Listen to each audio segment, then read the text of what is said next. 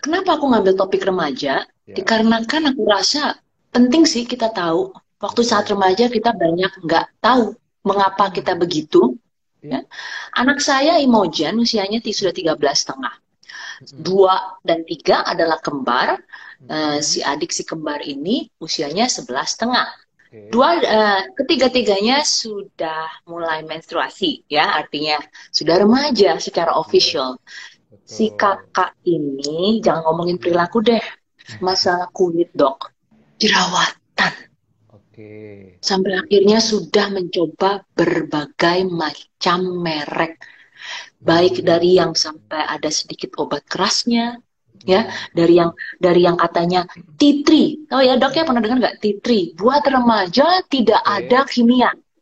Dibeliin semua produk, nggak Hmm. mempan, nggak mempan, nggak mempan. Pengen tahu kenapa? Iya, jadi memang kalau remaja ini kan mengalami masa pubertas, Mbak ya. Jadi kan kita tahu bahwa pubertas ini adalah peralihan yang ditandai dengan pertumbuhan dan perkembangan secara seksual dari anak-anak remaja menuju menjelang dewasa ya. Dan memang banyak sekali perubahan di sini, Mbak. Perubahan fisik, perubahan psikis, dan memang pada masa pubertas ini yang paling sangat mencolok adalah perubahan hormon ya. Sejumlah hormon mengalami peningkatan, hormon androgen. Pada laki-laki ada testosteron, pada perempuan juga ada testosteron, estrogen, progesteron, hormon pertumbuhan ya, growth hormone dan masih banyak lagi. Dan memang salah satu hal yang sangat umum dialami remaja adalah acne, jerawat ya. Karena acne ini, jerawat ini memang dia dipicu oleh peningkatan hormon androgen ya. Kalau hmm, jadi androgen ini antara lain testosteron, estrogen dan progesteron. Tapi kalau pada perempuan memang yang lebih dominan estrogen dan progesteron juga. Dan juga ada testosteron, tapi tidak sebanyak pada anak laki-laki. Nah, akibat peningkatan hormon ini, maka terjadilah perubahan pada tubuhnya, ya. Kalau pada anak perempuan, pada remaja perempuan, tentu ada perubahan pada, mohon maaf, pada payudara, ya, ada pertumbuhan payudara, kemudian juga perubahan bentuk pinggul, ya, eh, bokongnya lebih berisi, dan kulitnya lebih halus, ya. Dan ini semua memang juga akan berdampak ke psikisnya. Nah, psikis, remaja perempuan itu akan lebih sensitif ya. Apalagi kalau dia menjelang haid, menstruasi, itu pasti ada kayak semacam mood swing lah. Ini juga disebabkan karena peningkatan, jadi hormonnya ini fluktuatif pada saat dia menjelang haid. Dan jerawat, ya, jerawat ini memang dipicu oleh hormon androgen tadi. Dan sebetulnya kalau untuk remaja putri, ya, sebet jerawatnya tidak sebanyak pada anak laki-laki sebetulnya. Ya, Oh, kalau anak laki-laki, remaja laki-laki memang jerawatnya cenderung lebih banyak. Kenapa? Karena peningkatan hormon testosteron tadi. Tapi kalau pada remaja perempuan, memang ada jerawat, tapi jerawatnya tidak semasif anak remaja laki-laki, dan itu sebetulnya memang masih bisa diatasi dengan treatment, baik itu eh, skincare, dan memang kalau untuk jerawat ini yang paling efektif secara medis adalah menggunakan eh, derivat vitamin A, ya, seperti apa? Tretinoin, ya. Krim malamnya mengandung tretinoin. Kemudian ada krim yang mengandung antibiotik. Jadi antibiotiknya ini ada antibiotik yang diminum dan antibiotik yang dioles berupa krim. Dan Hmm. ada sabun khususnya. Karena memang Ya. jerawat ini selain dipicu oleh eh, peningkatan hormon tadi dan kulit remaja cenderung lebih berminyak, Mbak. Begitu dia, di- begitu dia berminyaknya berlebihan, ya, kemudian juga mungkin eh, membersihkan wajahnya itu eh, tidak tepat, ini males. bisa betul, bisa men- menyumbat pori. Begitu porinya tersumbat, pori kulit tersumbat, tersumbat oleh kelebihan minyak tadi, tersumbat oleh debu, dan itu akan menjadi media pertumbuhan kuman, kuman penyebab I jerawat. Nah, Dok, menyebabkan mau jerawat. ngomong nggak? Jadi ngomongin soal jerawat, saya Ya, ada ada perdebatan dengan si ayah. hmm, Iya dong, kita maunya semua buat anak-anak, katanya yang anti chemicals. Karena di Indonesia itu kalau ngomongin soal segala sesuatu yang namanya antibiotik, bawaannya udah ngeri, namanya antibiotik gitu. Yeah. Jadi selama setahun saya mencoba berbagai merek yang katanya uh, ramah buat kulit, tidak mengandung sebagainya, tidak berhasil sampai ke punggung-punggungnya si kakak. Oh. Tapi akhirnya saya memutuskan ya untuk ke klinik tidak perlu saya berikan namanya, klinik perawatan, dan mereka memberikan um, krim malam, memberikan banyak penjelasan, dan juga mereka memberikan uh, antibiotik. Tapi hanya digunakan satu bulan saja untuk katanya karena jerawatnya ada peradangan. Betul. Ada juga retoin dan yang tadi dokter katakan. Lucu deh retinoin, retinoin, retinoin. Nah, yeah. dengan retino uh, krim malamnya itu yeah. dan juga ada sabun uh, muka khusus. Kalau boleh cerita ya dok, berhasil.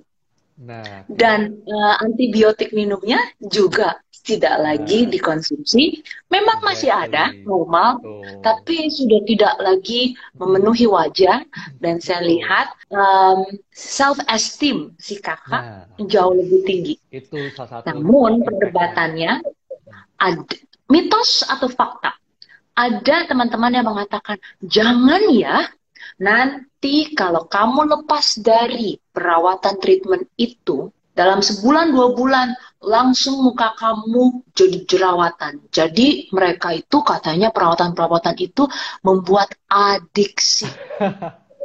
mitos okay. atau fakta dok? Silakan. Itu mitos mbak, ya karena kalau kita uh, mengatakan adiksi, adiksi ini kan artinya ada penambahan dosis ya, penambahan tingkat uh, dosisnya. Jadi kalau kita merawat kulit, wajah itu seperti kita merawat tanaman ya. Tiap hari kita kasih siram, tiap hari kita kasih pupuk kan. Jadi seperti itulah. Nah, tujuannya apa? Tujuannya supaya kulit kita tetap sehat ya tetap bercahaya, glowing, bebas jerawat, dan nantinya apa? Nantinya kita akan merasakan yang namanya efek anti-aging, di mana kita akan lebih lama uh, mengalami proses penuaan pada kulit. Jadi sebetulnya itu mitos ya. Tujuan kita menggunakan skincare itu tidak akan menyebabkan kita menjadi adiksi, tapi sama halnya seperti kita merawat tanaman, kita siram, kita kasih pupuk seperti itu. Atau sama halnya kayak kita makan, Mbak. Kita makan tiap hari tiga kali sehari kan. Nah, seperti itulah kita butuh makanan. Ah, I see. Nah, ngomongin soal kulit dan juga skincare, um, dari zaman dulu selalu merasa bahwa perlu uh, skincare itu tunggu usia tua. Pada anak-anak katanya nggak usah lah. Nah, itu dia. Muka mereka itu katanya jangan dipakai macam-macam bener apa enggak sih kayak gitu misalnya remaja yeah. anak saya oh. yang tadi sudah melakukan perawatan ya hmm. kita ngomongin tentang tentang kecantikan yeah. nih Betul. apakah si kakak 13 tahun ya kan kan kadang-kadang mohon maaf nih um, punya warna yang berbeda di bawah kantung mata hmm. dan sebagainya yeah. saya ingin mengajarkan anak saya berpenampilan rapi yeah. cantik tapi nggak tahu sejauh mana yang diperbolehkan atau tidak yeah. silakan Setuju, Mbak. Jadi sebetulnya untuk anak-anak ya, ini kalau kita membahas anak-anak yang katakanlah di bawah usia 12 tahun, itu yang wajib digunakan adalah sunscreen, tabir surya. Apalagi kita tinggal di iklim tropis, ya. Kenapa? Karena sinar matahari itu mengandung sinar UVA, ultraviolet A dan ultraviolet B. Nah, UVA ini penyebab dari penuaan pada kulit ya. Jadi penyebab kulit kita jadi kering, muncul keriput, dan UVA ini bisa meningkatkan resiko kanker kulit. Sedangkan sinar UVB, dia efek negatifnya apa? Bisa menyebabkan kulit kita burn, terbakar. Muncullah flek-flek hitam pada kulit kita. Makanya sunscreen atau tabir surya itu wajib digunakan mulai usia anak-anak ya. Nah, ketika masuk usia remaja dengan permasalahan jerawat, kulit berminyak, tentunya sudah harus menggunakan sabun wajah khusus untuk kulit berminyak dan berjerawat ya. Dan kalau memang sudah ada jerawat, tentu mesti diobati, Mbak. Kenapa? Karena dikhawatirkan kalau jerawatnya tidak diobatin, kan kadang-kadang kita nggak sadar nih, ketika tidur kita kopek-kopek. Nah, begitu dia terkopek, jadilah bopeng, scar. Nah, kalau ini sudah timbul scar, itu treatmentnya akan beda lagi, Mbak. Akan lebih lama, iya. butuh waktu, dan nantinya akan mempengaruhi self esteemnya remaja gitu. Jadi memang ketika remaja gunakanlah skincare yang tujuannya untuk tadi mengatasi jerawat, kulit berminyak ya. Kalau anda kata sudah berjerawat, gunakan krim malam untuk anti jerawat, salep antibiotik seperti itu, Mbak. Dan sebetulnya ya, kalau misalnya nih eh, ketika remaja tidak ada masalah dengan jerawat ya, minimal yang digunakan adalah pelembab, moisturizer, dan tadi surya. Itu ya, itu nomor satu aja. Betul. Mm -mm. Jadi si kakak, oke okay, kak, kamu nggak mau pakai ini, nggak mau pakai itu, tapi kamu biasakan pakai sunscreen ya kak, Betul. ke mana pergi. Oke. Okay. Iya. I see. Sunscreen hmm. itu adalah wajib dan bisa dimulai sejak Betul. dini. Iya. Benar ya? Dok, apalagi Mbak, mm-hmm, kalau misalnya kita lagi di dalam ruangan nih, ruangan kaca, mm-hmm. itu sinar UVA mm-hmm. bisa tembus karena dia panjang gelombangnya. Oh. Jadi makanya tabir surya itu tetap digunakan bahkan ketika kita ada di dalam mobil. Karena sinar UVA itu panjang bisa menembus kaca. Wow, jadi kita ini dalam masa COVID ya dok ya, kita kan yeah. berusaha untuk selalu Betul. di dalam ya. Yes. Jadi mentang-mentang di dalam dan nggak kena, nah. gitu tetap harus pakai ya. Betul. Apalagi kalau kita bekerja dekat jendela kan. Nah, itu. Benar-benar benar dok. Tapi ini suatu pengetahuan berharga buat saya. Untuk setidaknya saya bisa tahu bahwa apa yang bisa saya berikan untuk menjaga kulit anak-anak saya di dalam um, apa namanya um, segala uh, yang boleh dan nggak boleh. Yang pertama yeah. adalah tantangan dari sinar matahari UVA oh. dan UVB. Oke, okay. dok jeda sebentar. Yes. Kita jawab pertanyaan dulu. Teman-teman yeah. kalau ada yang mau tanya silahkan. Kita ngomongnya tentang remaja, tapi saya yakin juga ada pertanyaan lain. Monggo ditanya aja.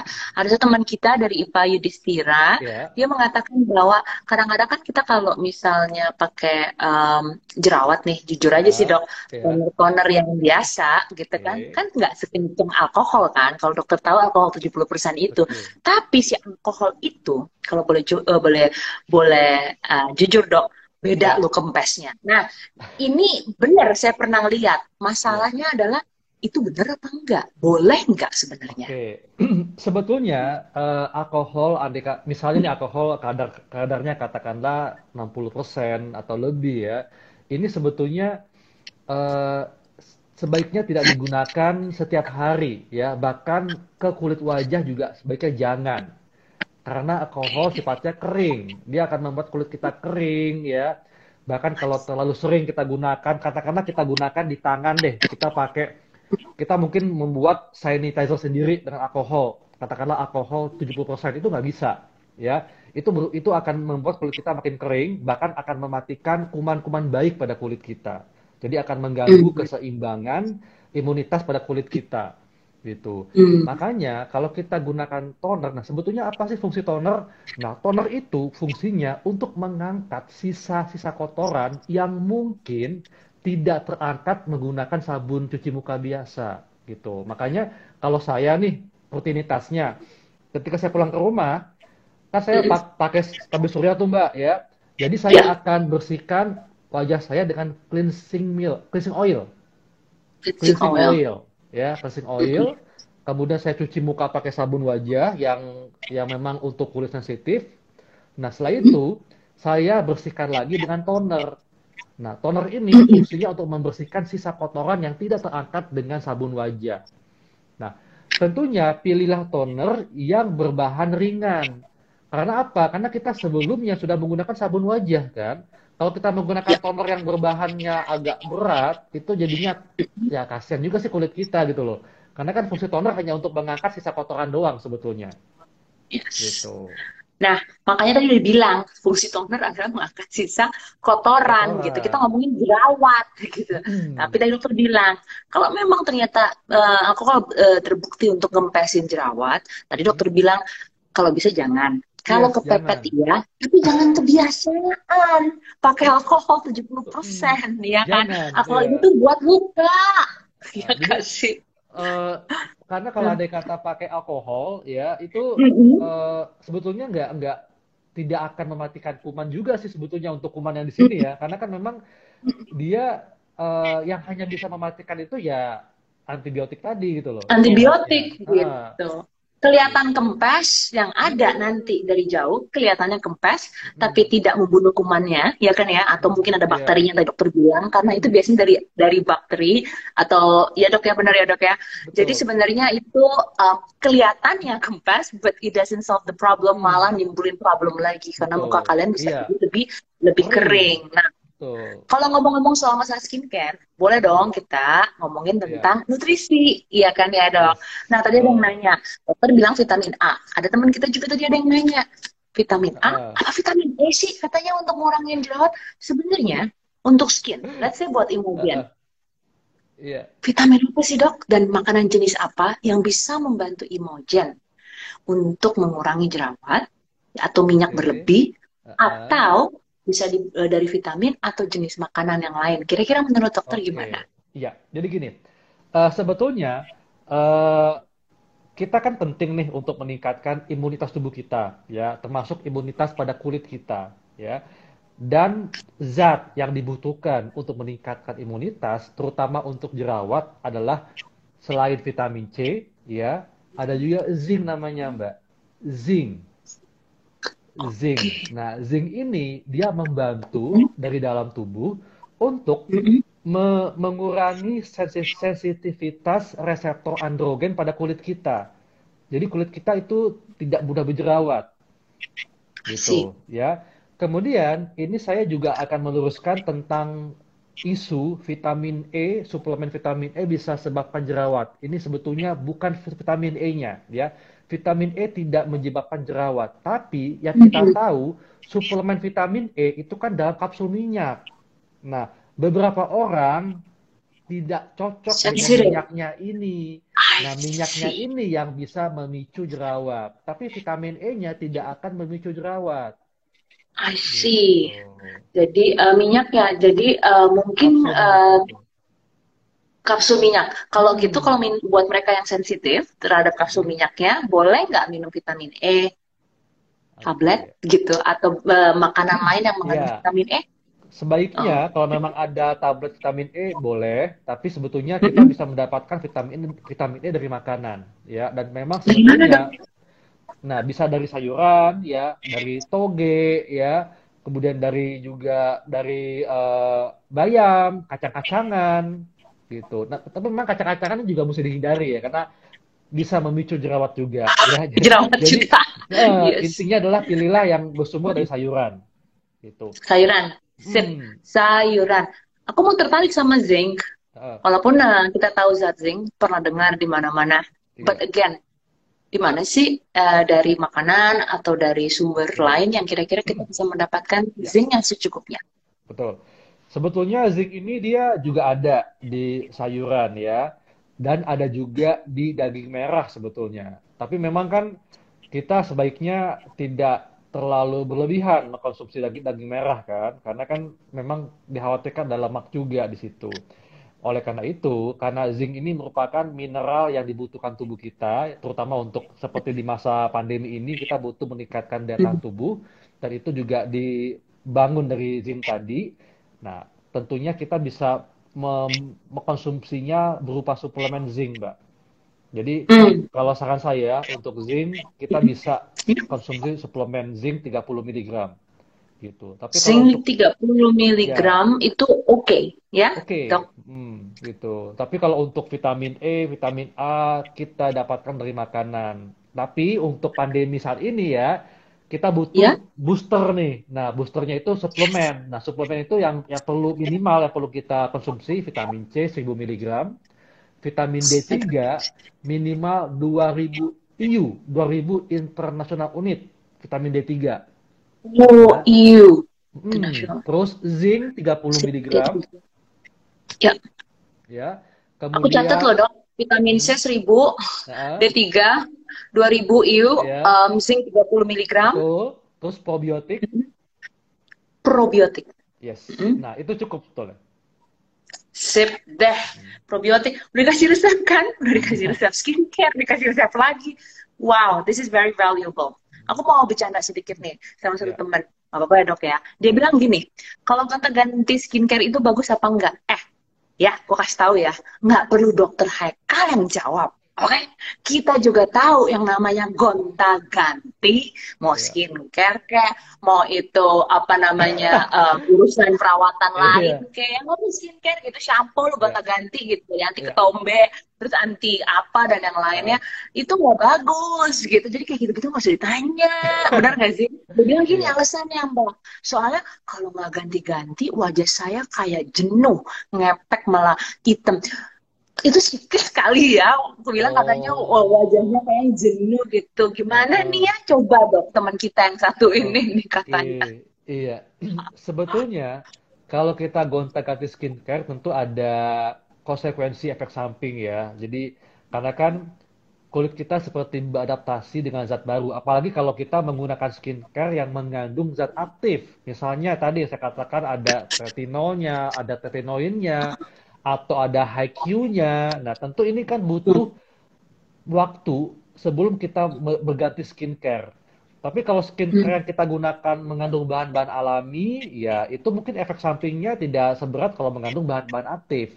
Oleh karena itu, kalau misalnya kita ingin mengganti skincare dan skin dan skincare kita ini mengandung zat aktif seperti retinol, retinoin atau ada HiQ-nya, nah kita baiknya konsul dulu ke dokter gitu. Iya. Heeh. Hmm. Jangan sampai nanti malah membuat kulit kita jadinya muncul penyakit lain kan, gitu. Benar, ya kan ya? Daripada ganti-ganti skincare, lo ganti-ganti aja pacar gitu. Nggak boleh juga Aduh, sih, gitu. nggak boleh juga. Apa sih ini pertanyaannya gonta-ganti? Tapi benar, gonta-ganti selama itu mungkin gonta-ganti pada saat kita coba, saya setuju. Tapi tadi dokter udah ngomong kuncinya. Ingat loh, mereka eh, gonta-ganti skincare yang punya zat aktif, ya kan ya? Betul. More be careful ya kalian, Hmm. gitu. Dok, aku mau nanya, kita udah ngomongin soal skincare, aku akan eh, apa namanya mulai mengaplikasikan itu kepada Imogen. Sekarang mau ngomong meng- mengenai beauty image. Oke. Dok, tahu dong bahwa Ya. ada beberapa selebriti Indonesia dan di luar negeri yang sudah oplas, which is eh, di bawah 18 tahun. Ya kan? Nah, tentunya saya tidak mengizinkan Imogen oplas untuk di bawah 18 tahun. Ya. Tapi kalau kita pikir-pikir, kepikiran juga sih, ada nggak sih sebenarnya dampak-dampak yang kira-kira berbahaya untuk anak-anak di bawah 18 tahun? Contohnya nih dok, contohnya ini nggak ada hubungan Iya. sama kulit. Contohnya dok, gigi, ya, gigi Hmm. anak-anak. Kadang-kadang kan Iya. suka ada yang maju tuh. Betul. Ibunya pengen cepet-cepet dipakein kawat, ya kan? Iya. Dokter dan dentistnya selalu bilang, hey, harus tunggu 13 tahun ya. Kenapa? Betul, betul, Karena giginya itu masih tumbuh. Yes. Percuma kamu betulin. Itu ibaratnya belum belum tumbuh secara sempurna. Nanti kalau udah 13 kita sudah tahu pertumbuhannya makin sudah matang, baru kita pakein behel. Nah, Hmm. Kalau dari segi dok eh, dari segi remaja menurut dokter Haikal, oplas impactnya buat anak di bawah 18 Iya. tahun. Oh, kita nggak aja remaja ya Iya. dimulai operasi kecil, ikutan mata dan sebagainya. Dari Iya. segi dari prinsip dokter gimana? Ya, sebetulnya kalau dari sisi medis, kalau memang itu indikasi, misalnya eh, apa matanya ingin lebih dibuat lebih lebar ya, itu Ya. Kalau dilakukan oleh dokter bedah plastik yang kompeten itu it's okay Mbak, seperti itu ya. Eh, tapi kalau misalnya nih ingin membuat pipi lebih tirus ya karena merasa chubby, kalau menurut saya, kalau masih remaja, baiknya jangan dulu deh, gitu. Karena kita bisa atur dengan pengaturan pola makan, ya, pengaturan berat badan, jadi lebih natural.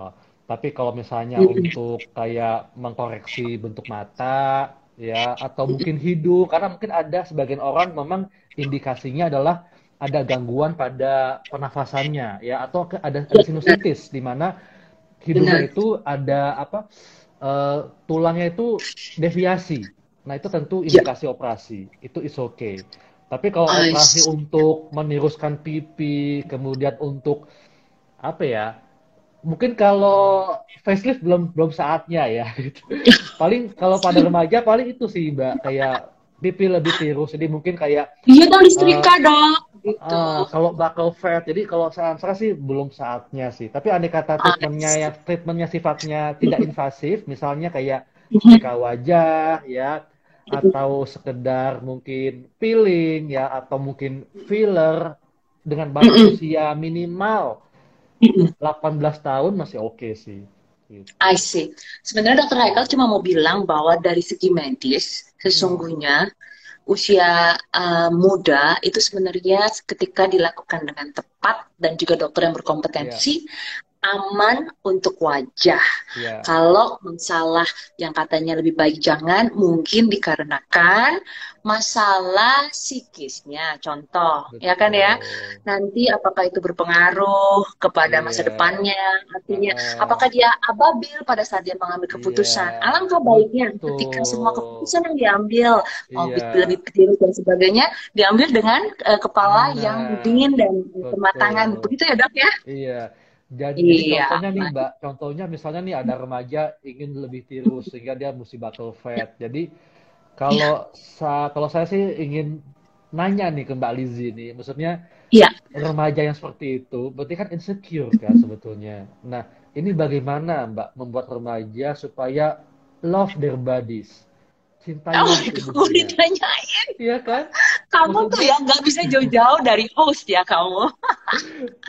Karena kan membangun self esteem itu dari dini kan. Jangan sampai dia Bener. merasa insecure dengan tubuhnya sehingga merasa nggak nyaman dengan tubuh sendiri itu. Yuk, kita tukeran jawaban ya dok. Karena kamu tadi udah jawab, ini juga jawab. Awalnya pada saat tidak punya anak remaja, saya selalu bilang, ah itu masalah self esteem tapi badannya beneran gemuk bu. Gitu ya nggak. Dan dia nggak mau ketemu orang anakku remaja misalnya nih kita kasus X. Saya bilang ah enggak itu masalah mindset aja sebagainya. No ternyata nggak begitu dok. Saya setuju. Ada beberapa kondisi remaja yang memang perlu dibantu dalam artian medis. Yeah. baik itu mohon maaf tadi kayak Imogen gitu ya. Udah ah. sering pilih. Mam udah jadwal nih mam. Oke okay, gitu. Dan dia menikmati. Dia yeah. tahu hasilnya.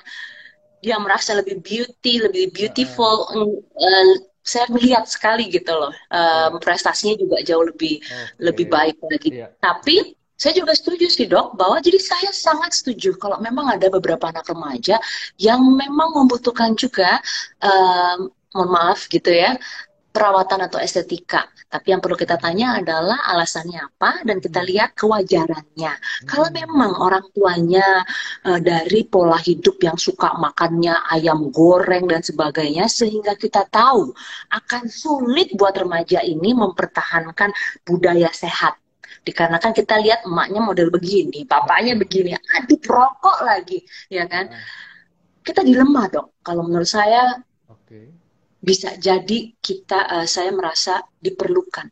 Mengapa tidak? Karena kita juga punya alasan dan pertimbangan-pertimbangan. Tapi kalau cuman mengada-ngada, atau mengada-ngada ya dok ya, mengada-ngada, yang kita tahu dokter tahu badan proporsinya bagus kok, ya enggak? Cuman ada beberapa sedikit ini, tapi yeah. dia bawaan estimnya itu uh, rendah.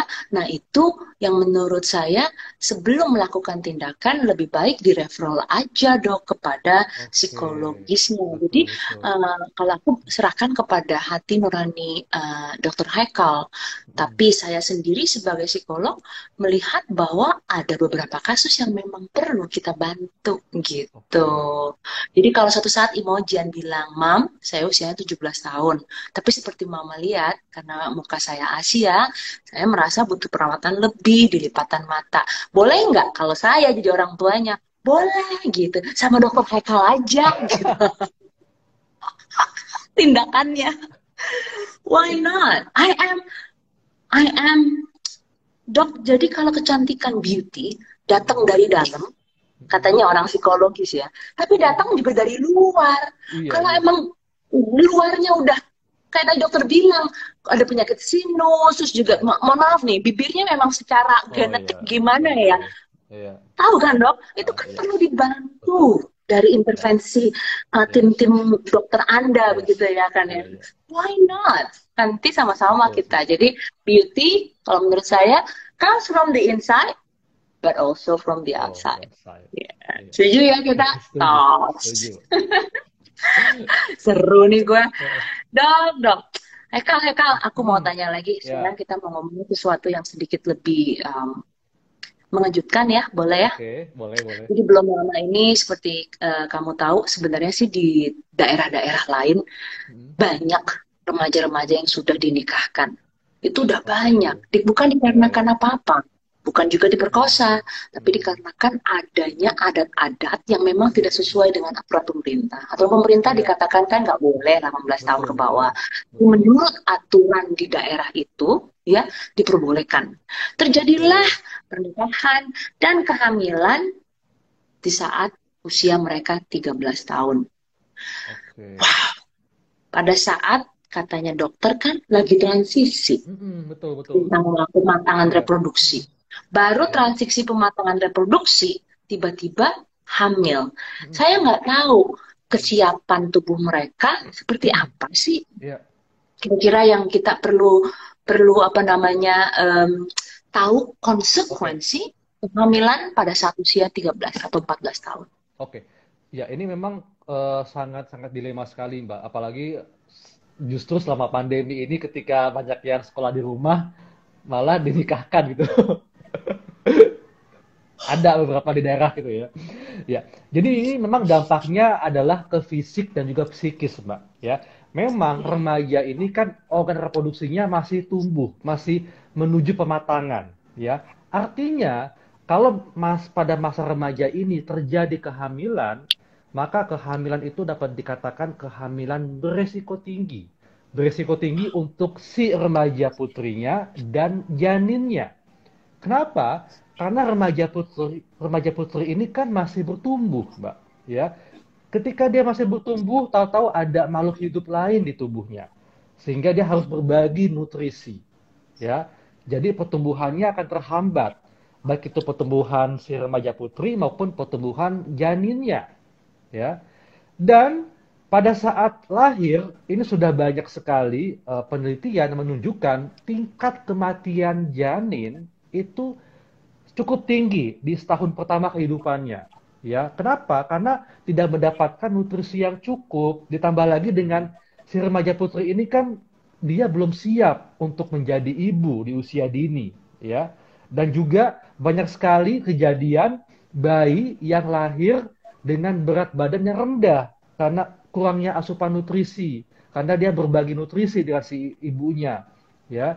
Belum lagi juga kematian si si remaja putri ini pada saat bersalin, pada saat melahirkan, gitu. Itu secara fisiknya. Secara psikisnya pastinya akan berbagai berbagai hal yang sifatnya konflik akan terjadi ya. Dia akan putus sekolah ya, tidak bisa melanjutkan kuliah ya. Kemudian juga kalau misalnya si suaminya ini nggak tanggung jawab atau tidak tidak bisa menikah, dia harus sendirian kan, belum ada penghasilan ya. Jadi bahkan belum lagi rasa malunya itu secara psikis.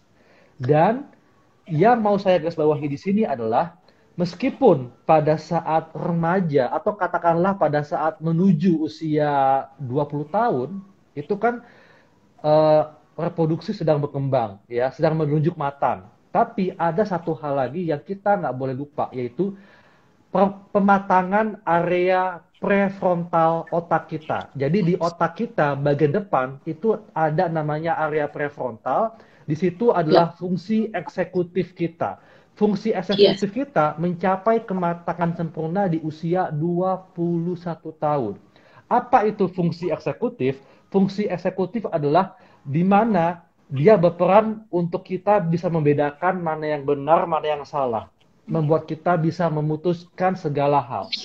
Itulah kenapa undang-undang perkawinan direvisi menjadi batas minimal di usia 21 tahun. 21 Di mana tahun. betul, di mana di usia Karena ini pas milih di usia 18 tahun, Mm-mm. bisa nggak bener itu dok. betul. Karena kan prefrontalnya belum matang, begitu ya dok ya? Exactly, betul, Oh. Iya. Hmm.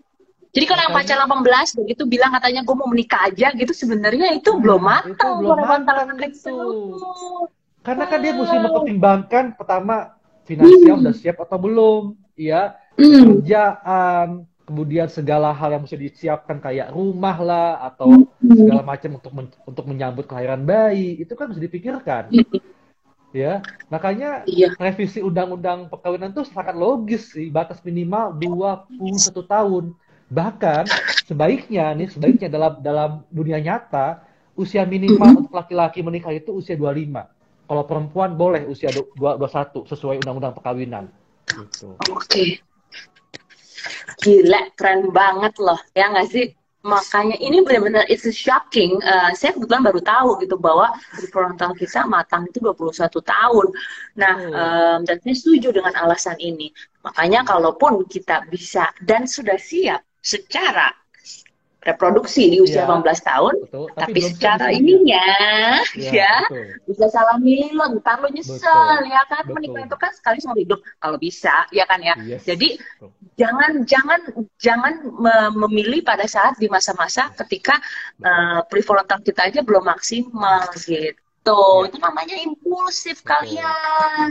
Ya enggak sih? Kan, karena Nah, menikah itu sama dengan segi- merencanakan Gimana? kehidupan, Mbak. Karena menikah itu Merencanakan sama dengan kita merencanakan kehidupan.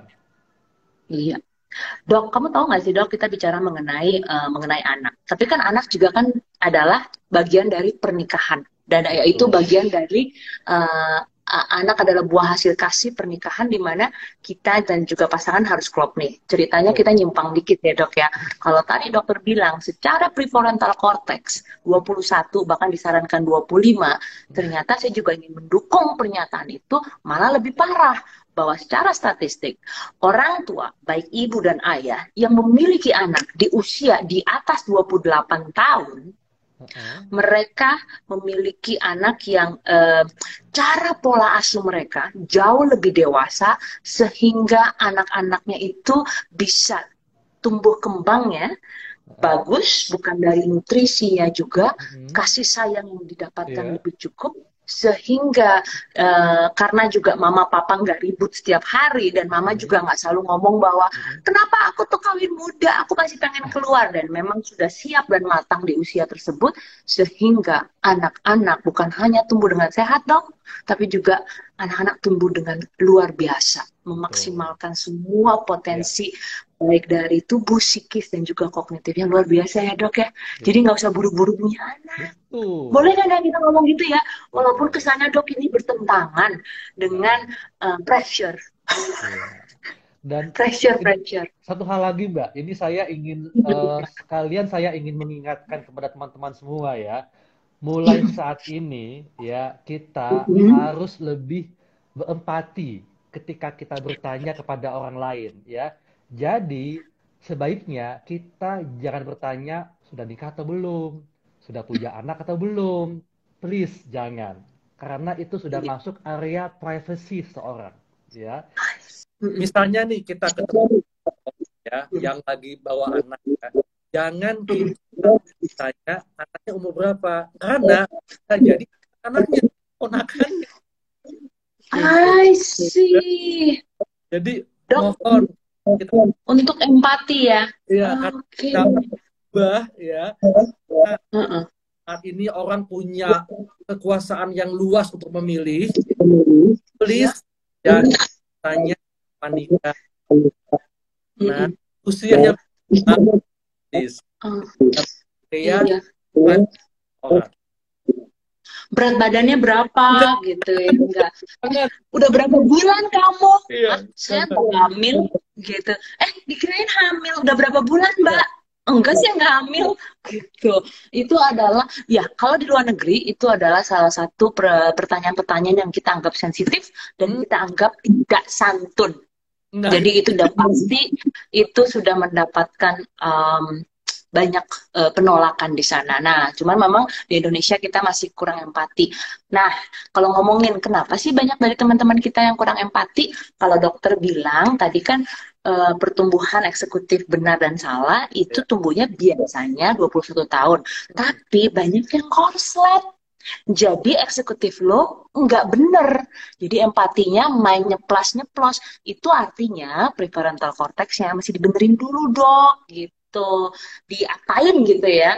Karena harusnya kita kalau punya kematangan tahu mana salah mana enggak empati um, ini hal-hal kayak gini nggak terjadi. Keren banget sih. Ih thank you ya dok.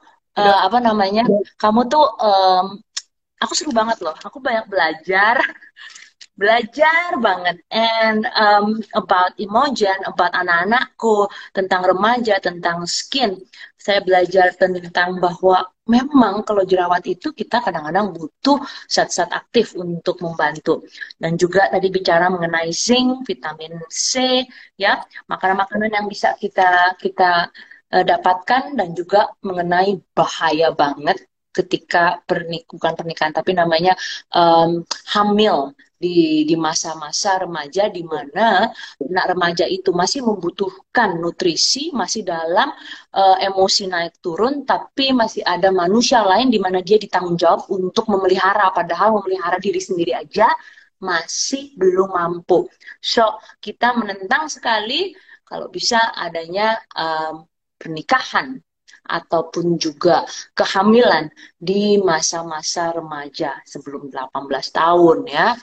Ya, bertobatlah kepada semua orang tua di luar sana yang ngepet banget pengen jodohin anaknya ya.